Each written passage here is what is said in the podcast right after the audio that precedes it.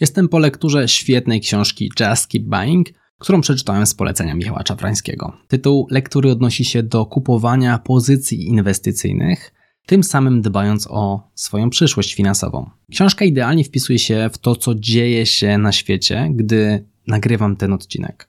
W skrócie, sytuacja w Polsce i na rynkach globalnych jest raczej ciężka. Inflacja, obsunięcia giełd, cięcia kadrowe. Jak w tych czasach poradzić sobie finansowo i przetrwać kryzys? Właśnie o tym porozmawiamy w dzisiejszym odcinku Excellent Work Podcast. Nazywam się Michał Kowalczyk i serdecznie Cię do niego zapraszam. Operowanie pieniędzmi można podzielić na dwa kierunki: zarabianie i wydawanie. Odejmując jedną kwotę od drugiej, zostaje nam, lub nie, wolny kapitał. Przygotowania do ciężkich czasów warto zacząć w czasach dobrych. Mama zawsze powtarzała mi, że oszczędza to się jak jest z czego, bo jak już nie ma z czego, no to odrobinę za późno. Mądra kobieta. Bez względu na czas, w jakim jesteśmy, oceń swoje wydatki i zobacz, gdzie możesz je ograniczyć. Możesz prowadzić prosty rachunek wydatków i dochodów. Wystarczy nawet tabelka w Excelu. Są też do tego dedykowane bezpłatne aplikacje, np. na smartfon. Kiedyś korzystałem z One Money, 1 Money. Dziś używamy z żoną formularza Google spiętego z arkuszem Google, gdzie notujemy wydatki w podziale na kilka grup. Rób tak przynajmniej przez 3 miesiące, żeby złapać średnią swoich wydatków.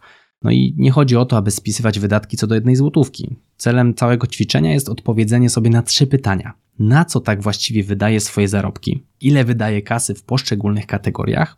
Czy jestem ok z kwotami, które wydaję w tychże poszczególnych kategoriach?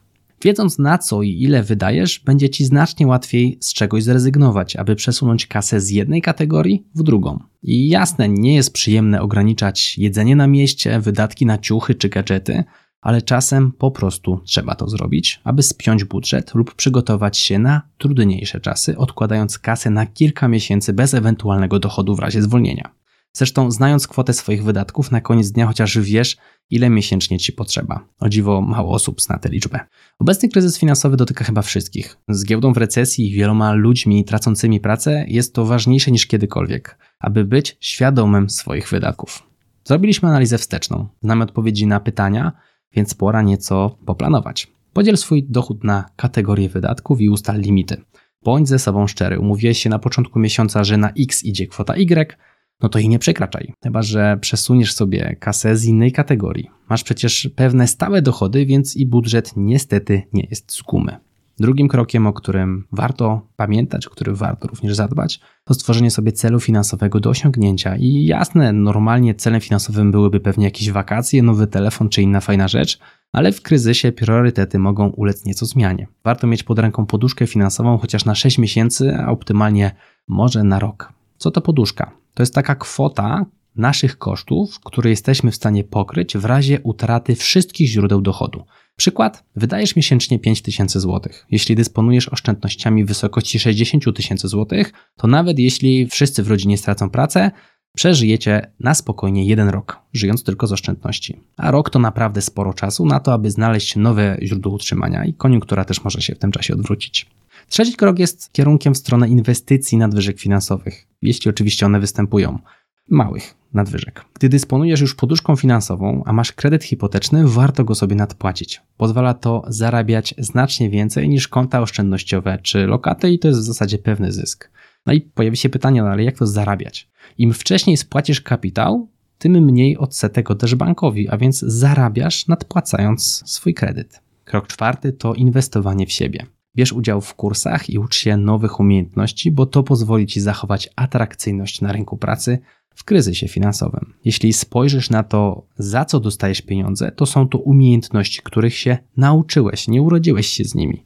Policz, ile kasy rocznie zarabiasz na swoich umiejętnościach i zastanów się, ile więcej mógłbyś zarabiać, jeśli dołożyłbyś do wachlarzu kompetencji kolejne albo wyniósł obecne na wyższy poziom. No i tak wiem, łatwo mi mówić, bo jestem trenerem Excela i przecież sprzedaję kursy, więc na tym zarabiam. Sęk w tym, że z tym też się nie urodziłem, czyli co roku wydaję kilka tysięcy złotych na produkty innych szkoleniowców, a także na książki. A po co?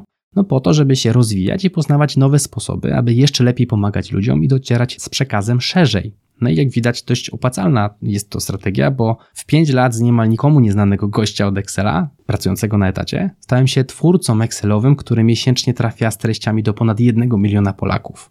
No i mam też tytuł Microsoft MVP. Jestem tu, bo na etacie szybko się nauczyłem skutecznie korzystać z Excela, no i w 3 lata podwoiłem swoją pensję, więc tam też rozwój kompetencji zbierał szybko żniwo. Wydawanie w kryzysie, gdy liczy się każda złotówka, jest szczególnie trudne. Wszyscy znamy to uczucie, gdy z kasą jest ciężej i nie ma miejsca w budżecie na nic dodatkowego.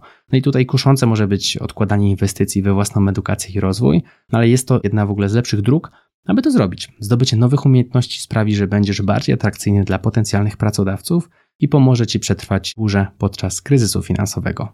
To oczywiście nie jest gwarancja. Nic tutaj w kryzysie nie jest pewne. Ostatnio natomiast kolega podesłał mi ciekawy filmik, gdzie gość opowiadał, że był właśnie masterem Excela w firmie. Przy cięciach kadrowych zwolnili dużą liczbę osób, ale on oczywiście został na pokładzie, no bo do kogo chodziliby prosić o Excelową pomoc, albo kto by naprawił pliki, które zrobił dla połowy firmy. w zasadzie uzależnił firmę od siebie. Przy tak wielu zasobach dostępnych online nie ma w zasadzie wymówki, by z nich nie korzystać. W końcu kasa na dojazdy czy wolne w pracy zostają w kieszeni. Możesz też korzystać z bezpłatnych źródeł.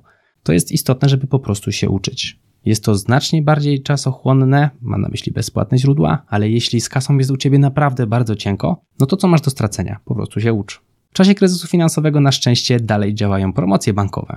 Odwiedź blog livesmarter.pl, gdzie znajdziesz dużo wartych uwagi ofert. Czasami za założenie konta czy jakiś przelew możesz dostać 100 zł czy nawet 200. Pracując na etacie potrafiłem dzięki tamtej stronie dorabiać 3-4 tysiące złotych. Wszystko jest w pełni legalne i bezpieczne, bo to są normalne, publicznie działające banki w Polsce.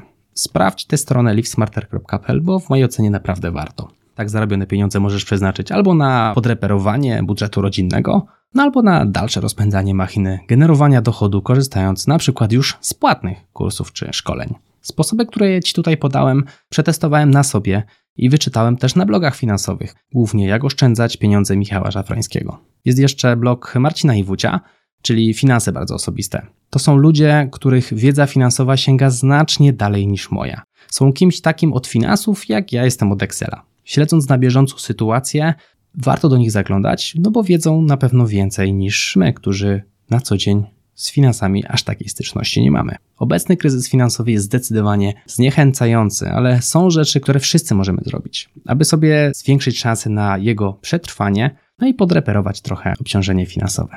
Po pierwsze, Przyjrzyj się uważnie swoim wydatkom i sprawdź, gdzie w razie potrzeby możesz je ograniczyć. Po drugie, ustal budżet i trzymaj się go w miarę możliwości. To pomoże Ci utrzymać się na właściwej finansowej drodze. Po trzecie, ustal sobie cele finansowe i pracuj nad ich osiągnięciem, np. poduszka finansowa na jakąś konkretną liczbę miesięcy czy nadpłata kredytu. Po czwarte, inwestuj w siebie albo pieniądze, albo czas, jeśli ich nie masz. Biorąc udział w kursach lub ucząc się nowych umiejętności, to pomoże zwiększyć Twoją atrakcyjność na rynku pracy. W przypadku, gdy będziesz musiał znaleźć nowe zatrudnienie, będzie Ci łatwiej. Wreszcie śledź kilka sprawdzonych blogów finansowych, aby uzyskać więcej wskazówek i porad dotyczących zarządzania swoimi pieniędzmi, szczególnie w trudnych czasach. Chociaż obecna sytuacja finansowa jest niepewna, przestrzeganie tych kroków powinno pomóc nieco uspokoić głowę, ale i uspokoić też stan portfela.